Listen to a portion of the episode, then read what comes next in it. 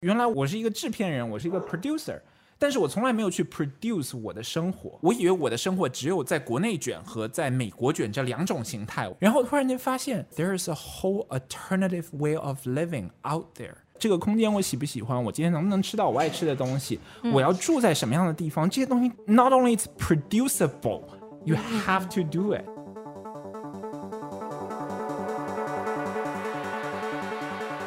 大家好，欢迎来到行星酒馆。这期播客录制于泰国清迈，我是东尼。过去这几年，身边越来越多的朋友都在进入一个离散的生活状态。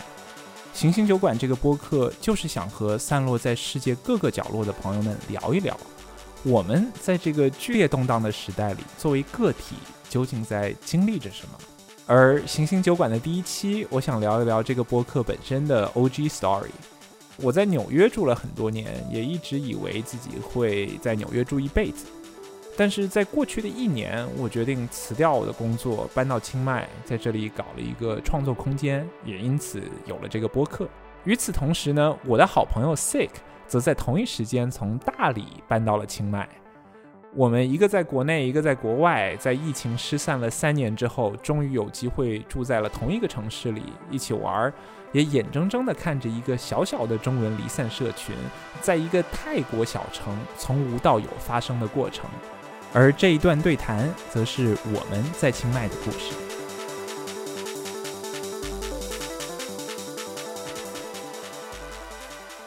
我从去年的九月份离开了纽约，这个时候在疫情期间已经有三年没有真的。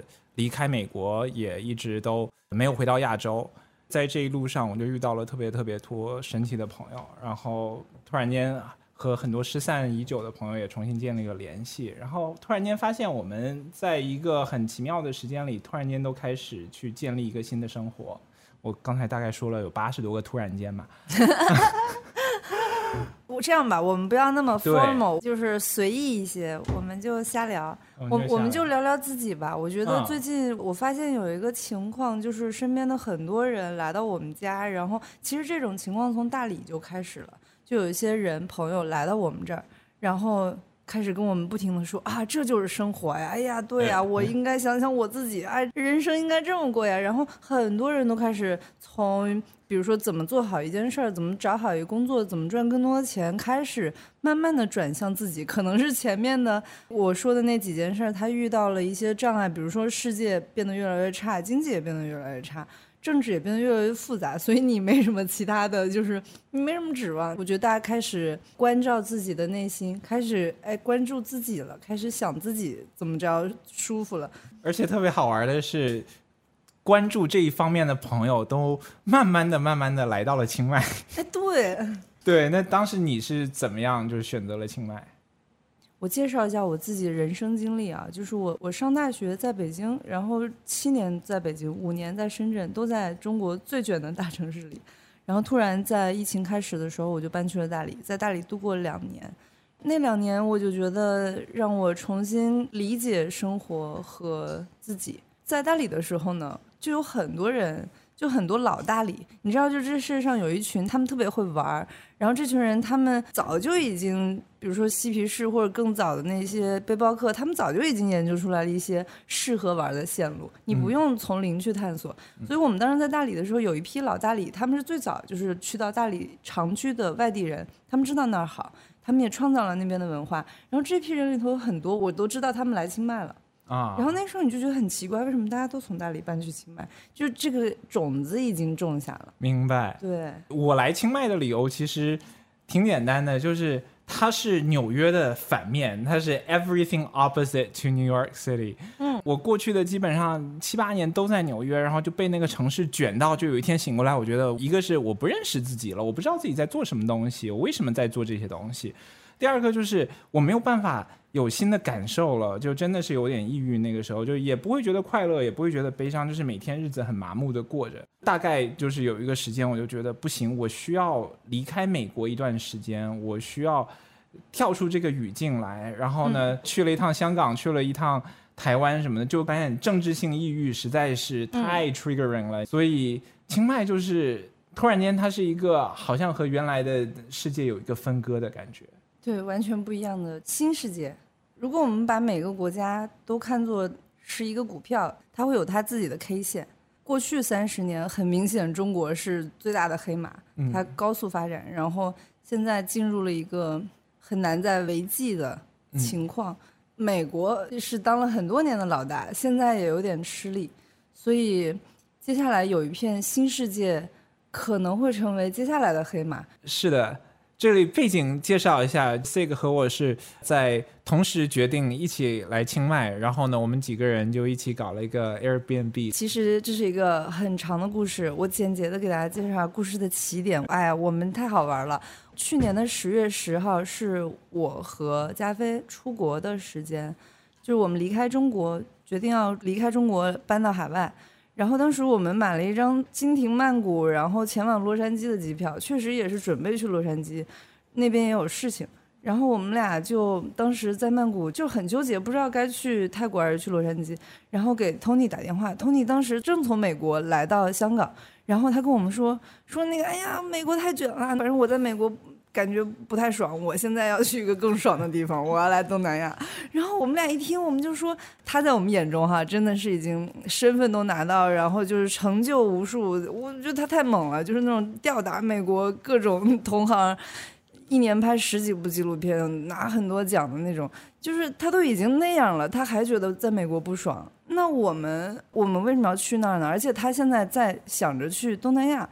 那我们离东南亚这么近，我们是不是考虑这么一种可能性呢？然后我们就来了泰国。嗯，我跟加菲先到的泰国。我们到了泰国之后，到了曼谷。我们其实到曼谷的当天几乎就已经决定，因为这个城市太牛逼了。就是曼谷，我们我们时隔三年没来泰国，来疫情结束来到泰国的时候，我们觉得不是说全世界都停滞不发展了吗？这泰国发展太猛烈了，就是所有的迪厅都是爆满，然后永远是。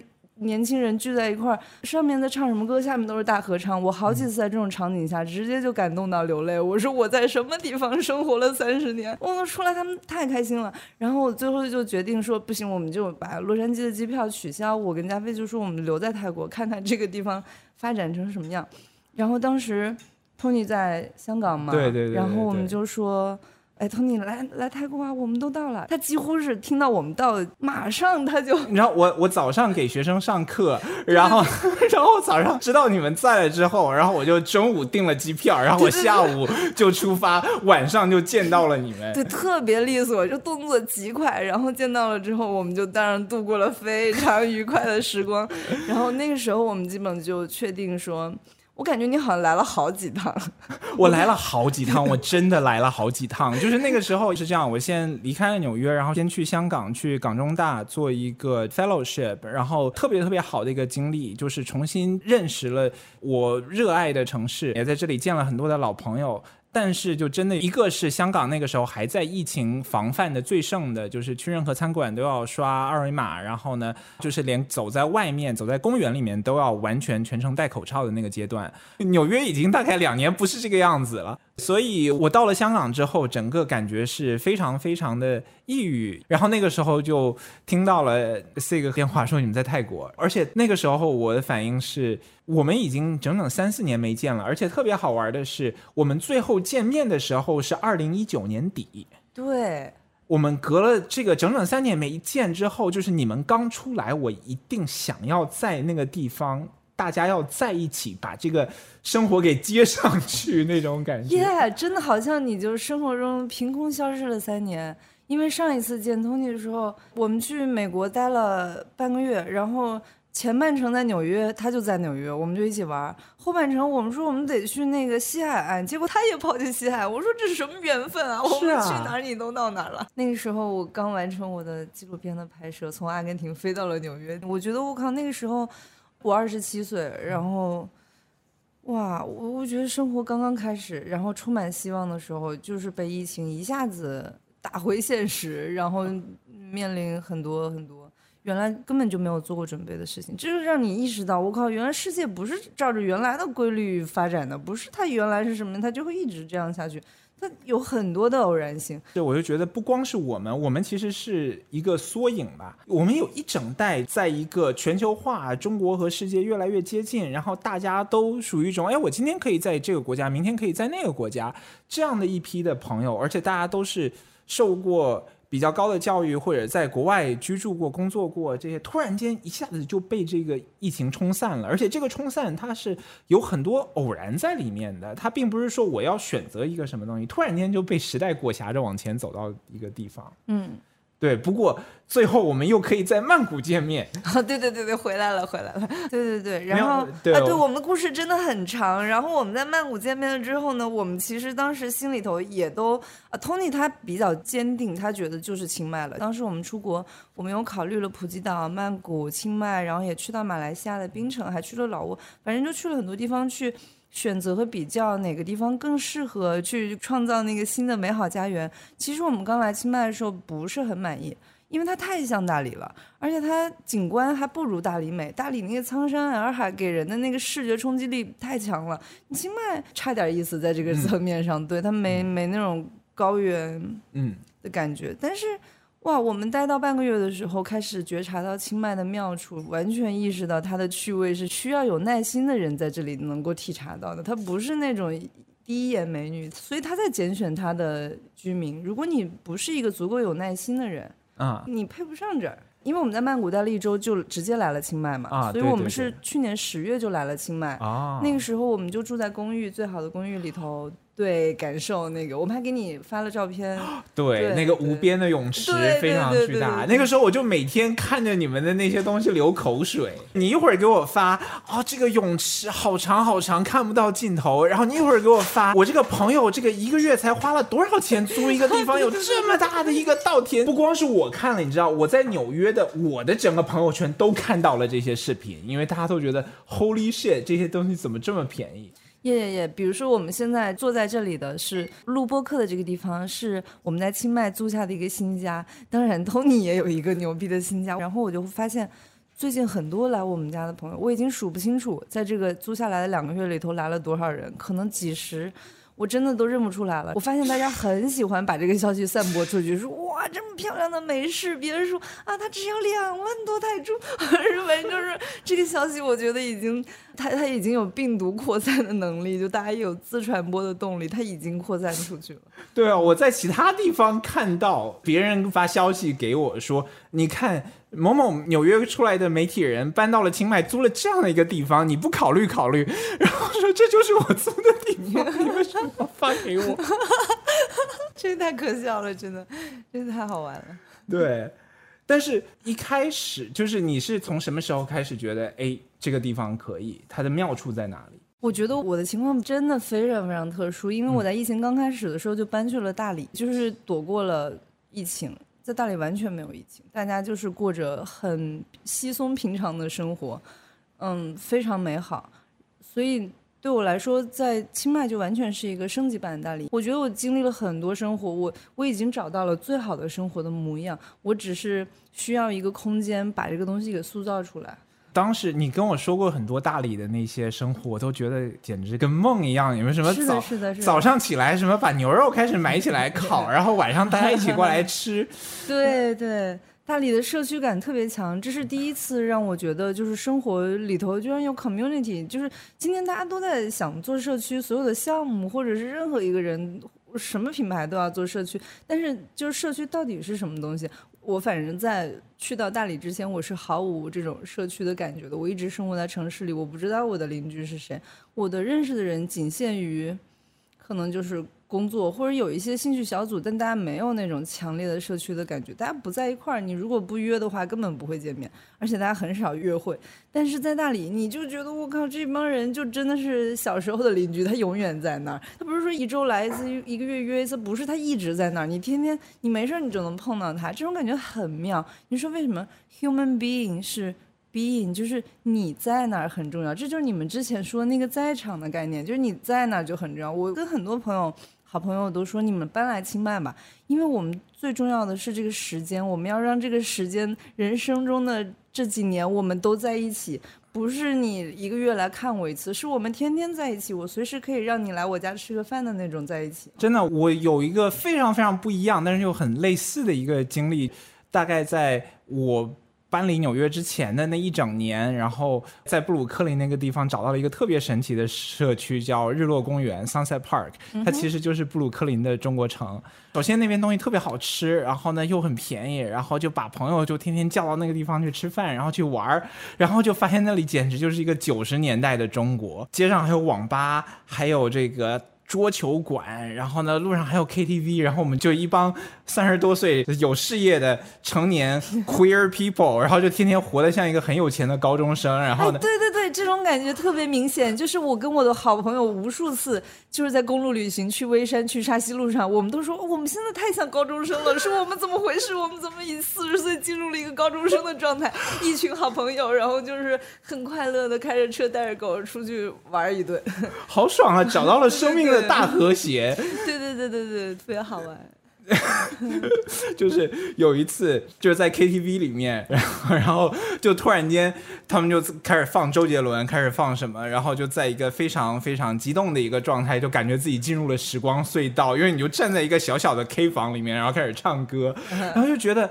哇，原来在自己很卷的时候，都忘记了自己生活可以创造这么多很普通的快乐。嗯嗯。然后那些快乐，你会觉得，我会觉得，OK，我一定要成为百万富翁，我一定要卷成人上人，一定要到了一个什么样的地方之后，我才能给自己一个 permission。哦，你现在可以享受生活了。但是，然后我就想，OK，如果变成百万富翁之后，我想干什么？我真的想住在有钱的这个纽约的这些很富的区吗？也并不想啊，还是想去吃肠粉啊，就过一些很好玩、很简单的生活就好。而且在大理，我觉得之所以大家能找到那种就是孩童时期的天真的感觉，其实有个特别特别重要的因素是朋友。就是我现在回忆大理重要的那些时间，什么，哎，去微山过火把节或者干什么，都是跟好朋友在一起。然后你就觉得哇，就是都是朋友，然后大家就是好有爱呀。然后就是就是这种社区，我刚刚就讲到一半的这种社区的感觉，就是你。你感觉这儿有你的人，然后你这这自己人，然后大家碰到面就是一起吃个饭，就是像家人一样的。而且人和人在一起就会和这个地方产生联系，因为大家一起在的时候，你就会哎，咱们去一个地方去探索，咱们去去你去试新的东西，然后呢我也去试，然后大家不断的去交换，这是一个特别强烈的共识。就比如说我们都选择清迈，嗯，我们来了清迈之后，我们就。体验也非常好，然后我们一起去体验更多更好的东西。因为我跟加菲来清迈的时候，真的挺两眼一抹黑的。这边几乎就是没有什么，就像我们这种一来就能接待啊，就是很好朋友。就其实就只能住在古城的酒店里头，很游客，也很不舒服。好不容易找个地方就哎，就是体验其实不是很好嗯。但是你看，我觉得现在比起我们半年。前那种感觉，就是体验就往前进展了很大一步，但是这种就是你真的是要花时间去塑造的，因为我们在大理的那个美好生活也是我们一点点亲手搭建起来。是，对对。是，而且很明显的就是，哪怕是中文世界在这里，它也有不同的圈子，嗯，就是游客归一圈啦，或者说短期做做贸易的啦。然后还有是什么？就是陪读的呀，就是国际学校的家长啊之类的，他们有自己的圈子。然后这些圈子它有一些交集，但是其实大家都是在自己的世界里面。这点也很像大理，就是大理有很多很多的兴趣小组，什么轮滑的呀、登山的呀，就不管你干什么，你在那儿总能找到有那一群人在干那些事情。但是我觉得相比之下，清迈。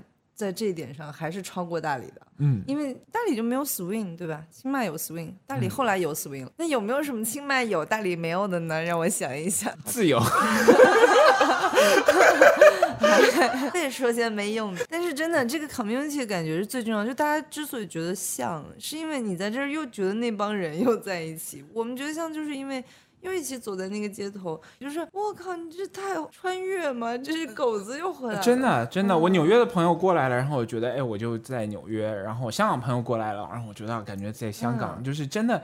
有的时候，我觉得也许真正联系我们的这种创造共同体验的东西，其实就是身边的人。然后确实，清迈的微观景观哈，就是你确实可以进入一间屋子，它就给你提供非常日式的感觉，或者非常土耳其的感觉，甚至非常 whatever 你想要什么感觉，它都有。它的常住的居民的构成非常国际化，这一点我相信在全世界很多其他的城市都很难实现，因为很多。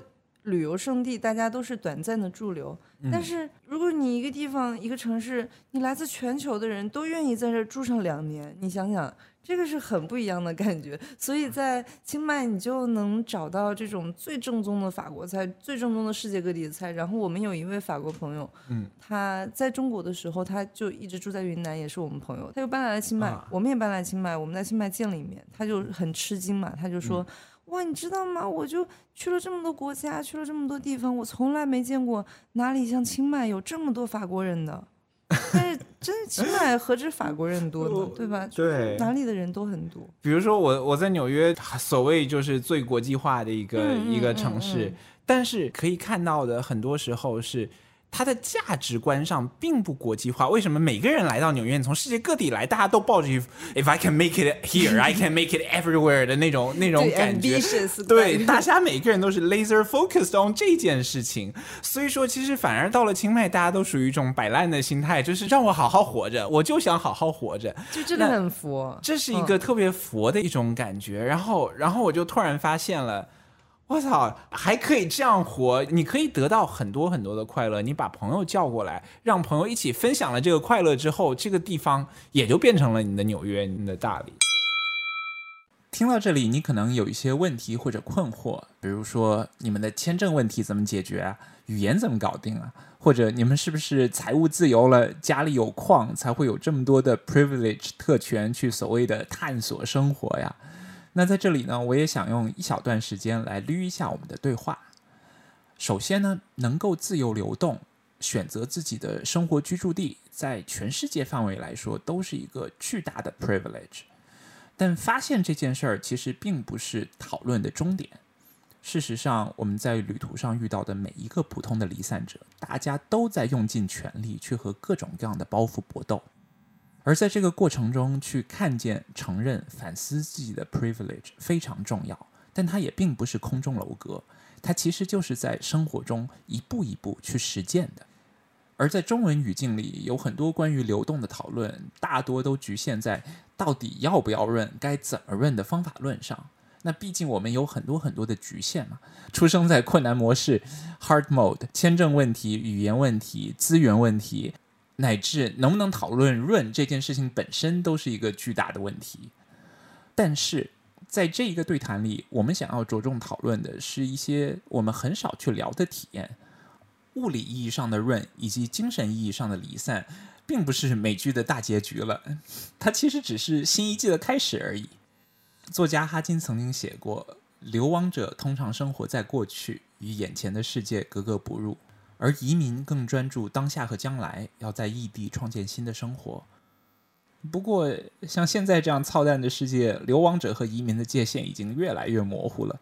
而我们作为生长在时代和边界缝隙中的一代人，我们想要的生活应该是什么形状的？怎么和新的世界建立联系？是这个对谈特别想要讨论的。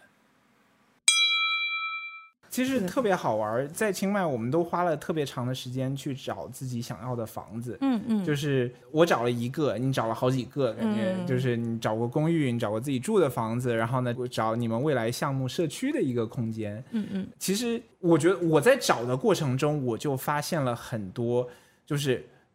我需要一个什么样的生活？突然间，清迈它的这个相对租金便宜很多，然后它的选择也很多。你可以住的很都市，然后你也可以住的很乡村。你可以有一个大房子、大院子。比如说，最后我就搞了一个巨大的房子。是的。后来我爸跟我说，这个按市亩，国内市亩是十亩地，对，就是十亩地加上一个大房子。我说 OK，我我租之前没想着我还可以把生活这么打开，然后有了这个空间之后。突然间所有的想象力就都出来了。一跟朋友说，朋友说啊，我过来，我要我要搞一个 workshop，我要在这个地方搞我的行为艺术，然后搞个雕塑弄到外面。我说赶紧来，就发现这空间不光是打开我一个人的想象力，打开了我整个身边朋友的所有人的想象力。其实我觉得所有人都在等一个地方，就是有太多的想法。太多的事情都憋在那儿，就是我组织活动，组织活动，我靠，就是每个地方。现在我们已经有了一个最牛逼的地方。现在我经常在朋友圈看见别人，就是因为 Hack House 在那儿已经举办了一个月的黑客松，然后大家就那个拍朋友圈，说我这环境有点太好了吧？对，那环境太好了。那还有一条自然的河流穿过那个地方，我觉得原来地方多大？两万五千平。对，还是四个你们家那么大，是吧？No，so good。十六，十六来啊，太牛逼了！嗯，创建新世界的感觉。Yeah，我记得我当时。我跟你一起去看了好多个房子，其实都不错哈。现在回来想想，那些地方真的都不错。是是是是，然后有什么四五层楼高的，然后又带一个车库，很漂亮、很现代的，在高级别墅区里面的，也有那种你不知道它在哪里，但人家就是造了假山、造了景。还有一个特别好玩的那个，是一个房子底下就是鱼塘，你可以在阳台钓鱼，然后旁边有一个果园儿。对，反正这边由于便宜，大家可以就是放开想象力，随便搞。对，反正泰国也比较自由，真的比较自由。这个就是给我身边纽约的朋友非常大的震撼。后来结果没想到，我我房子一租下来，就有好几个朋友就专门从纽约飞过来，就住了一段时间，然后也帮我把。音乐工作室什么什么都搞起来，然后就大家发现，就不管是从纽约过来还是从国内过来，大家都是属于那种卷了好久了，然后终于可以躺平一下那种感觉。我就发现自己在很长一段时间，尤其在疫情的这一段时间，人是非常非常不舒展的。你有很多需要担心的东西，你有很多你无法控制的一些事情。然后我就突然间忘了，原来我是一个制片人，我是一个 producer，但是我从来没有去 produce 我的生活。嗯嗯。就是我的生活应该是把它安排成什么样的？钱和工作事业它只是一方面的东西，那其他的这个空间我喜不喜欢？我今天能不能吃到我爱吃的东西？我要住在什么样的地方？这些东西 not only it's producible, you have to do it。是的，而且我觉得现在真的大家都不懂得怎么爱自己和不懂得怎么对自己好，因为我觉得这在我们国内传统的。企业文化里头，大家都比较卷嘛，很著名。中国人很卷，你如果去全世界，你都知道，你正常是不可能哪个餐厅就是开到半夜十二点，一直都营业，通宵都可以叫外卖。这种生活只有在中国有，就只有中国人做生意是这么做生意。大部分人人家是正常过生活的，人家在北欧，如果你周末之前不买到足够多的吃的，你就等着饿肚子，你没有任何办法。大家都有自己的生活，很好想象嘛，因为你想我们父母就是。五零后、六零后那一代，他们真的是挨饿的呀。这个时候，你想北美、美国或者是欧洲，他确实大家就已经早就已经过了这个阶段，大家都已经嬉皮士都已经出来爱与和平了，我们还在挨饿呢。包括我九十年代出生，我没有挨饿的压力，但是就是就会有这种束缚的感觉，就是你不知道对自己好，你其实你不用就是非得委屈自己去。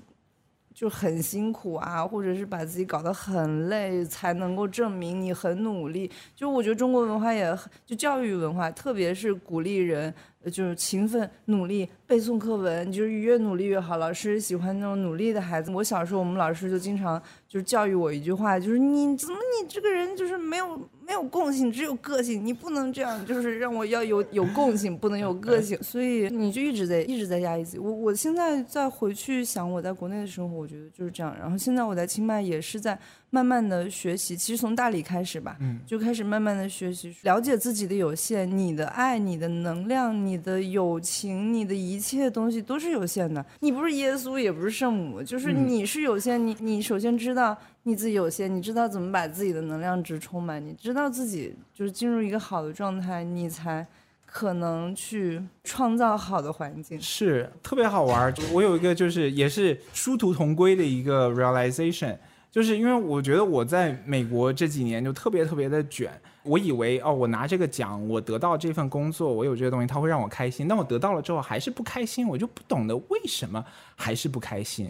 然后我就慢慢就意识到，我在这个过程中是在不断的丧失很多自己的主体性的。因为我要在美国的那个语境下成功的话，我就要把自己往美国的标准靠，我得把自己放到那个美国那种 cool Asian guy in the room 的那种感觉里面。但是他其实并不是我，我自己并不是他们所想象中的，或者说 A B C，或者是说有美国移民的那种移民故事。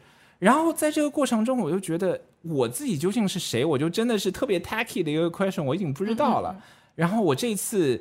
出来的时候就觉得我要找主体性，然后就发现 actually 你自己悠哉悠哉的找一个地方，然后在这里吃好睡好玩好了，你主体性自然就出来了。对对对对对，这个就是我说我们在这清迈有一个最大的的工作，就是我们所有人在这边的社区的每一个人，就是你把自己过好了，让自己爽了，就是让自己状态好了，创作状态也好，什么状态都好，你状态好，大家来看到你这个状态，大家就懂了。大家就也来了，这不就是我们在做的事儿吗？让这个世界变得更像我们，而不是我们变得更像这个世界。真的，真的，我就发现，如果真的去安利一个地方，你真的就不需要安利，你就自己过得很开心就可以了。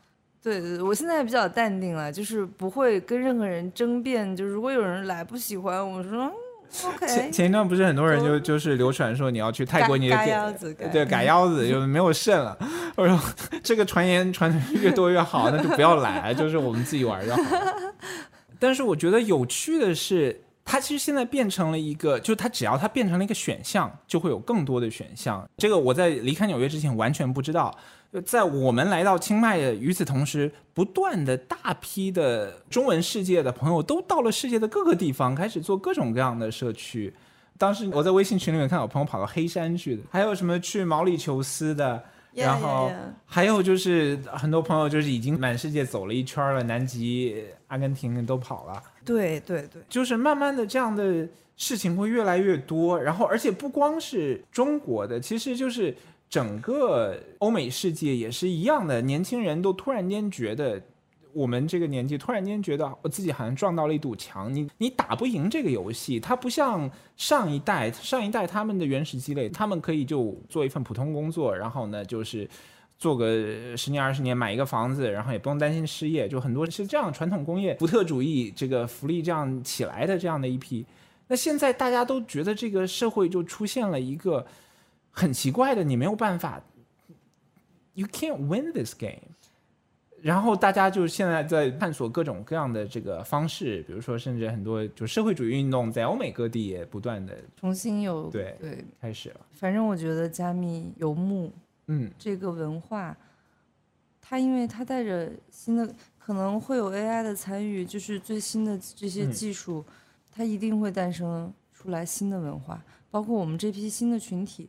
其实这批离散的人群，他们一直有史以来也都存在，但是他每到一个特殊的历史时期，他就会有一波涌现出来。我觉得我们当下就是到了一个一大波人涌现出来，我们就是其中的一份子啊。是啊，这个时代就到了这个时候，特别神奇。这个是一种很奇怪的时代感或者历史感，之前根本没往这方面想，但是。反正去年开始，我就真的有一种很深刻的，我回不去了，也没有什么故土给我回去的那种感觉。就我，我觉得我肯定三炮，我一定得回去的。对，因为我家人还在那，我不可能把我们我家族迁出来。是，但是我又觉得回去这事儿，如果不是因为家人，我真的不会回去了。但是在清迈，我觉得我做了一个最大的、需要最多勇气的一件事情，就是把我爸叫到了清迈。他之前一直就是疫情分隔嘛，就一直没有见到其他人过不来，可他是唯一一个可以有这个时间和条件过来的。那你就先来吧。然后我就在我的威逼利诱之下，他就来了。然后呢，来了之后呢，就特别的开心，就突然间第一次意识到，我在一个舒展的状态之下，我可以带给家里人什么样的感觉。我就很诚恳、很认真的跟他出了一个柜，然后就是这个三十多年都没有出现过的一个对话，就我就真的是非常认真的跟他说了我的情况，然后呢也马上就得到了理解，就是该抱的抱了，该哭的哭了，特别神奇。因为我出柜了之后呢，晚上就和他就可以像朋友一样的玩儿。然后呢，我就从我清迈的从 Sig 家学到的怎么去把自己家的 studio 变成了一个 KTV 这一招，我就用在了我爸的身上。然后呢，我就把我自己的音乐 studio 把它装一装，然后跟我爸一起唱 K，就有一个特别难忘的晚上。哇哦！但是那个时候我就突然间想到。如果没有清迈，我就不会找到一个特别特别好的空间。没有一个这么好的空间，我就没有办法给他架设我的 music studio。没有这个 music studio，没有我自己去玩音乐，我就不会意识到原来我生活中有这么多的快乐来自于音乐。那我最后就不会去设这个 karaoke with my dad。这是一个。特别特别长的一个链条，一个蝴蝶效应，未来追我。而且我完全没有想到，就是我来到清迈会和我家人有一个这么滑冰的一个东西。但是舒展这件事情，让我真的从清迈学到了，而且它真的改变了我的生活。对，人是环境的产物，环境塑造人，人也可以去改变环境，让它变成和原来不一样的东西。我觉得现在我们这帮人来到了清迈，然后。不断的，我们要往里就是加码，就是看涨清迈。我们其实来这里的整个四月，这一整个四月是一个非常非常对我们都是特别震撼的一个月。从四月初开始，就我不断的有朋友从世界各地过来，然后我们在这里做了第一个分享会和在场奖学金联动，然后去好好的聊一聊。整个书写离散、记录离散故事的这样的一个感觉，结果几十个朋友出现了，然后就特别特别的感动，大家就一起做了一顿新疆大盘鸡，在家里吃，就特别特别的玄幻。我就觉得我怎么会这么超现实的过上了这样的生活？真的挺乌托邦的哈！啊，哇，没想到我们还有机会在我们的有生之年创造一个属于我们的乌托邦！天哪！但其实我还蛮好奇。你觉得就是你从来清迈到现在，对你自己最大的改变是什么？以前呢，在国内生活的时候，我的工作其实经常在海外出差，然后我的合作的公司也是荷兰公司，我的同事也经常是外国人。我一直觉得我是一个非常国际化的人，我以前一直这么觉得，直到我离开那个中国，搬到国外来居住。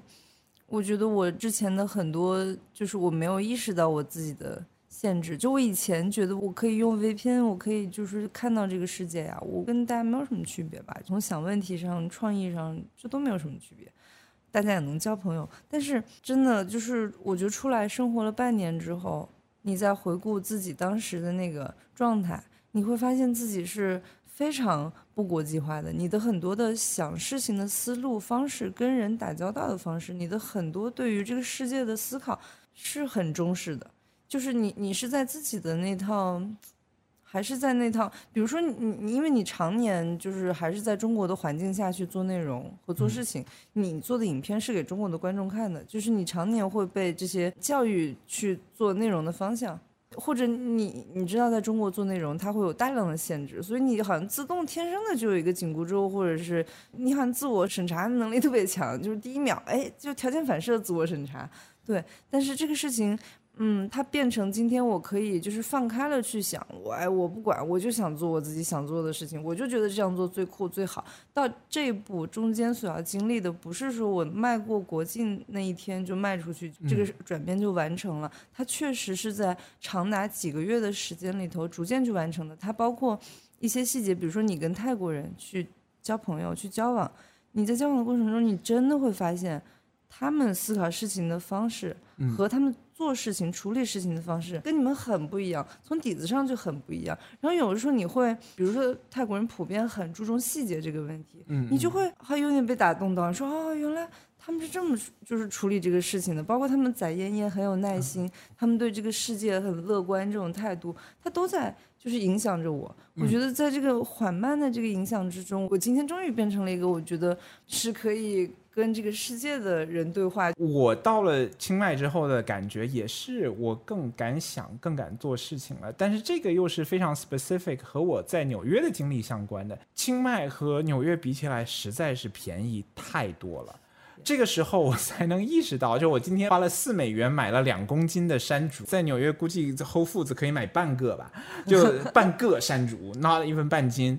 然后我就发现，我身边的朋友，就不管是有钱的还是没钱的，成功的还是不成功，搞艺术的还是搞金融的，在纽约，基本上每个人都受困于自己的 finance 里面。因为你越有钱的人，你越要去在纽约过更有钱的生活方式。你不管是游艇也好，是你的 Hampton 度假屋也好，它都是花很多很多钱。你孩子也要上私立学校。而当我到了清迈之后，我就发现，其实你的生活，当你把你每天对钱的担忧从生活里面拿掉很大一部分之后，你会发现生活多了很多很多种不同的可能性。你想不想做艺术？你想去自己办一个画展？你想要去搞自己的音乐？他突然间，他给了我一种把那种负罪感给摘掉了。我觉得是这样。我觉得资本主义所构筑起来的快乐。你有钱，你就可以获得极致享受的这种价值观也好，或者是范式也好，影响着这世界上的大部分人。但是如果你来到清迈，你可以非常明确的感知到。钱和快乐不是一回事儿，就是你完全可以没有钱就可以很快乐，所以我觉得这种颠覆真的，你看那泼水节这好疯狂呀，所有人都哇就出来打，你就觉得这种给人的冲击力，我觉得清迈可能给到所有人的冲击力，这种快乐的冲击力不亚于大理的苍山洱海，景观上让人看见特别宏观的景观所产生的那种，就是你可能更超脱了，但是你在清迈，你可能是由于受这些大家的影响，大家这种。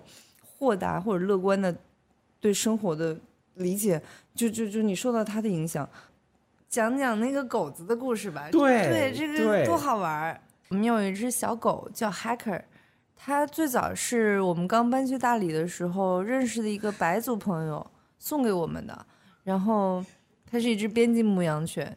当时那个白族朋友去我们家，看着我们家院子，说：“你们家院子挺大呀，我这有一只小狗，特别可爱，放你们家寄养两个月如何？”当然，后来他就一直在了我们家。之后，他就开始了新的狗生，在大理，嗯，接触了很多朋友，交往了很多朋友，认识了很多新的人。然后我们去年十月的时候要离开，然后决定搬到。国外嘛，然后当时就觉得有一个很重的责任，因为有一个狗子，你还有一个狗子。但是我我还问那个白族朋友，我说：“哎，你这狗子你放我这寄养这么长时间，你也说给我，但是我现在要出国，你说我要不我再还给你？” 然后那白族朋友说：“哎呀，我太忙了，我太忙了，就是一副那种就是并不想要它的感觉。”然后我就说：“那这个卖了我也不可能送给别人，我也不放心，对吧？好歹自己已经养了一年多了。”这时候，你看社区的重要性就体现出来了。这是我们的好姐妹，她站了出来。她说：“哎，没事儿，我可以帮你们养这狗子。”她本身就跟 Hacker 有感情，而且她很爱 Hacker。其实今年二月份我们租下来现在这个房子，这个房子就我们在海外所建立的那个新的家园，它是一个有朋友的地方，它是一个有社区的地方。有社区有朋友，也要有 Hacker，对吧？它不应该有什么限制。那我们就开始想说 Hacker 出来的事情。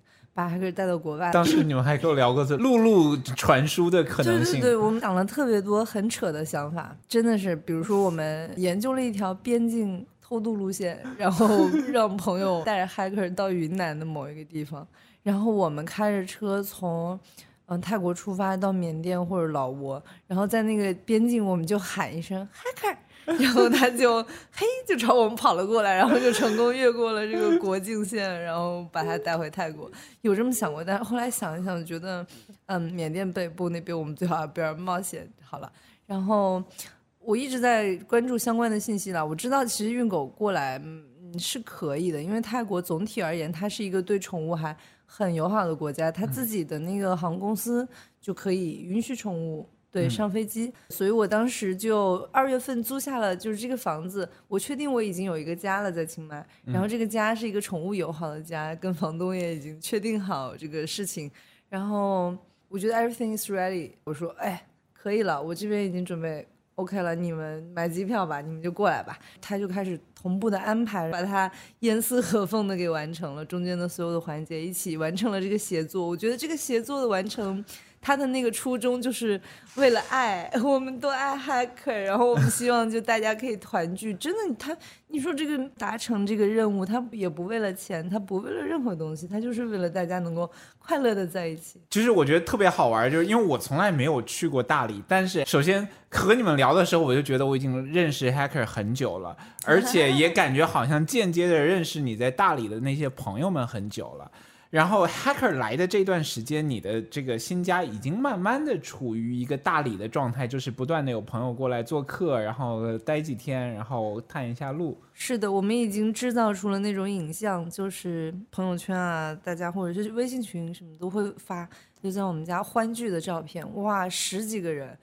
全都是大理的，就是大家已经觉得半个大理已经搬过来了。我没有想到迁移发生的这么快，但确实有一种半个大理都已经搬到清迈来的感觉。哎，真的，大理的朋友在哪里，大理就在哪里。对，我印象特别深的是，Hacker 来了之后，加菲发了一条微博还是 Twitter，他说就是狗都润了，你呢？对，这是一个很好的叙事，就狗都润了，人为什么不能润？其实你觉得对于？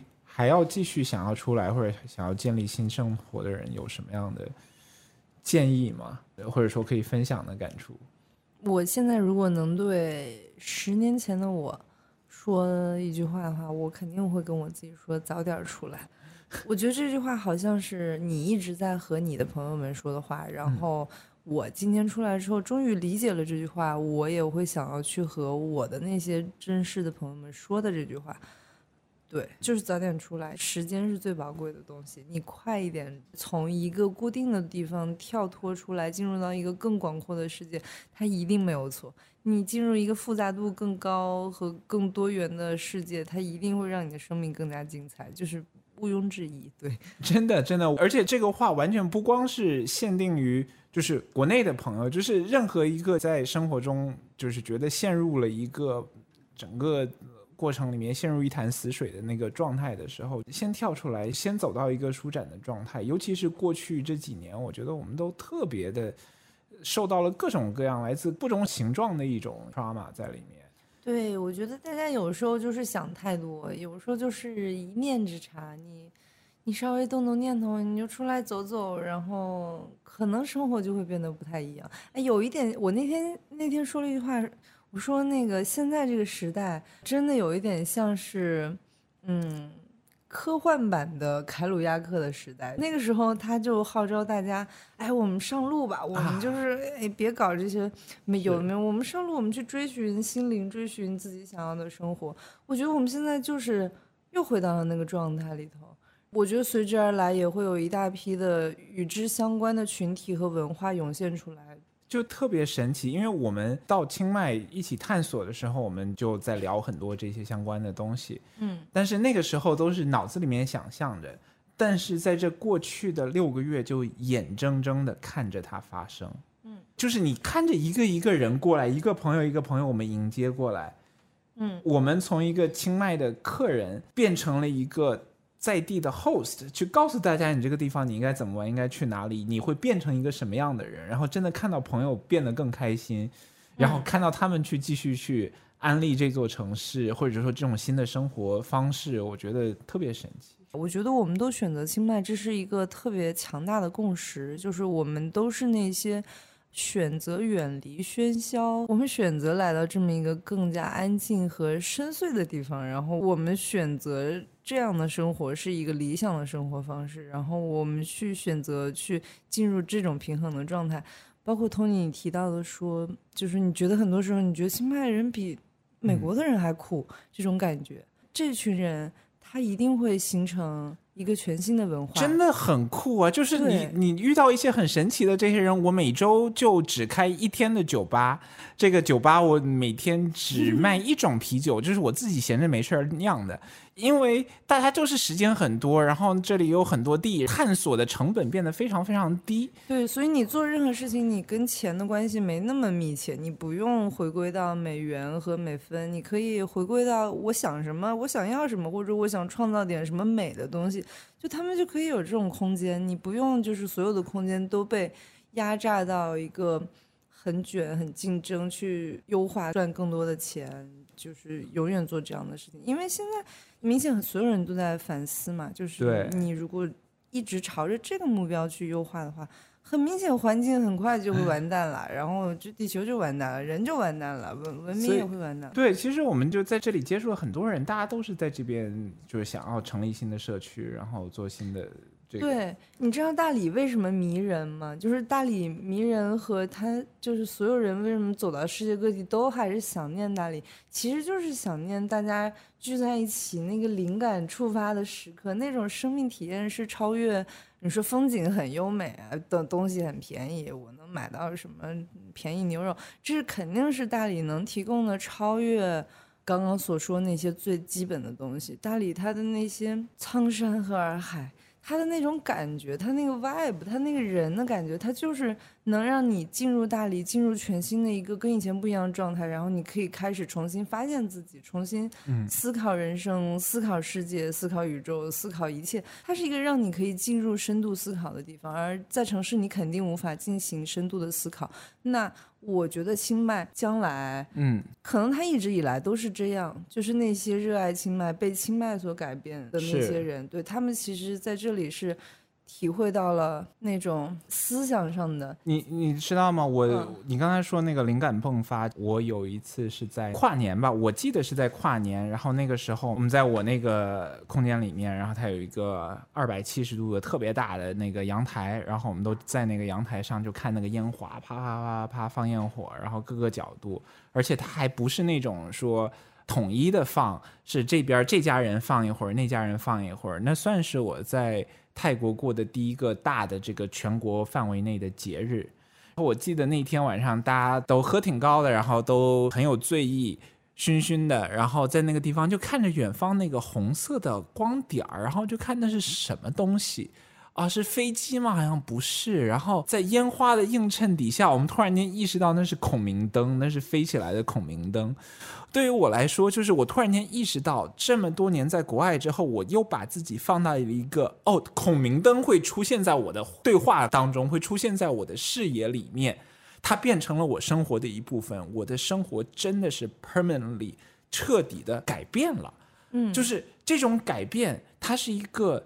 质性的一种，就全身刷过去，就是我以为我的生活只有在国内卷和在美国卷这两种形态，我要卷到国内的第一，或者卷到美国的第一，然后突然间发现，Holy shit，there is a whole alternative way of living out there that I didn't know exist，而我现在也不知道这个生活会变成什么样子，但是我知道我有能力去创造，或者说去选择这样一种生活，对我来说特别有力量。嗯嗯。选择新生活，我原来会觉得哦，我选择新生活要选择行业，选择这个发展潜力，或者是 prestige，我需要住的这个地方听起来感觉好不好？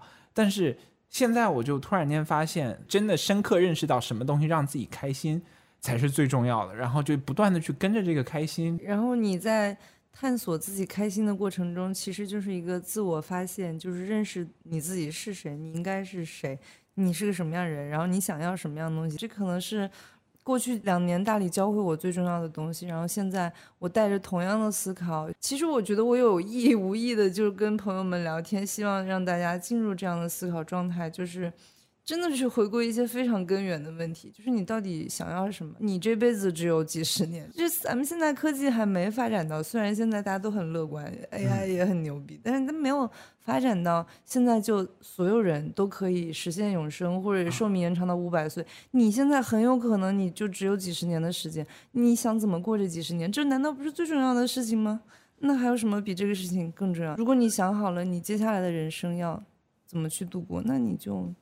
就是 enjoy your life。本来都要结束了，但是忍不住就是要重复一下我特别神奇的一件事情，就是去年二月我最最最难受的时候，就是想着要不要辞职的时候，我就跑到了波多黎各，然后在吃饭的时候就莫名其妙遇到了一个八十多岁的老头跟我搭讪，我一开始特别烦，结果最后聊了三四个小时，我整个哭了。为什么呢？就是在某一个瞬间，那个老头。他的感觉特别像我的外公。我二十多岁的时候他就去世了，就他从来没有跟我有一个成年人的谈话。我本来觉得他特别烦，我一个人出去要散心的，你为什么要过来找我聊了这么久的天？然后呢，那一个瞬间就把我所有的 cynicism，所有的难受全部都融化了。然后呢，我就跟他说说，我现在不知道我要不要辞职，我呃不知道我应该干什么。然后他就说，他一边说我一边哭。他说的是，我现在已经差不多八十多岁了。If there's any takeaway，他说的是，Don't take detours. If you want to be somebody, be that person tomorrow. 你想要成为一个什么样的人，就去成为一个什么样的人，不要去曲线救国。他说：“你每一天都会变老一点点，你每一天你的家人都会需要你更多一点点。”在那天那个对话之后，我回到纽约，然后我就把工作给辞掉了。嗯，我真的是觉得是我外公在透过这个老人给我捎一个话给我，就是。OK，我一辈子都觉得我要曲线救国，把东西做到最好，才能值得我去有探索自己的资格。那我现在发现没有啊，你就是应该探索啊！你现在对对对，你可以直接探索，直接探索。